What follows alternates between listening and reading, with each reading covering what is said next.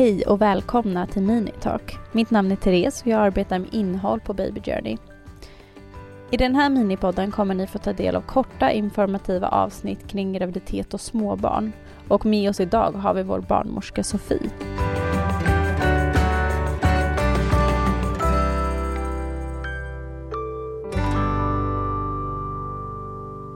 I dagens avsnitt kommer vi att prata om ett ämne som oroar många och som för många väcker mycket känslor.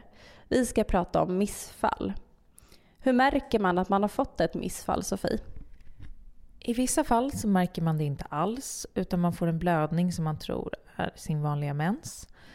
Om du får ett missfall så kan det komma en blödning som då liknar din mens, men den innehåller mer klumpar.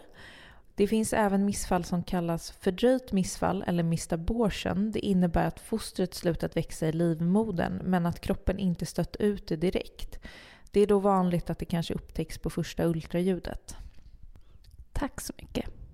Vilken vecka är den vanligast att få missfall eller att upptäcka ett missfall? Före vecka 12 är vanligast och det kallar man för tidigt missfall. Om man får missfall tidigt i graviditeten, vad kan det då bero på? Ofta vet man inte vad missfallet beror på, men det kan i vissa fall vara en kromosomavvikelse hos fostret. Tack. Om man drabbats av missfall, kan det då påverka framtida graviditeter?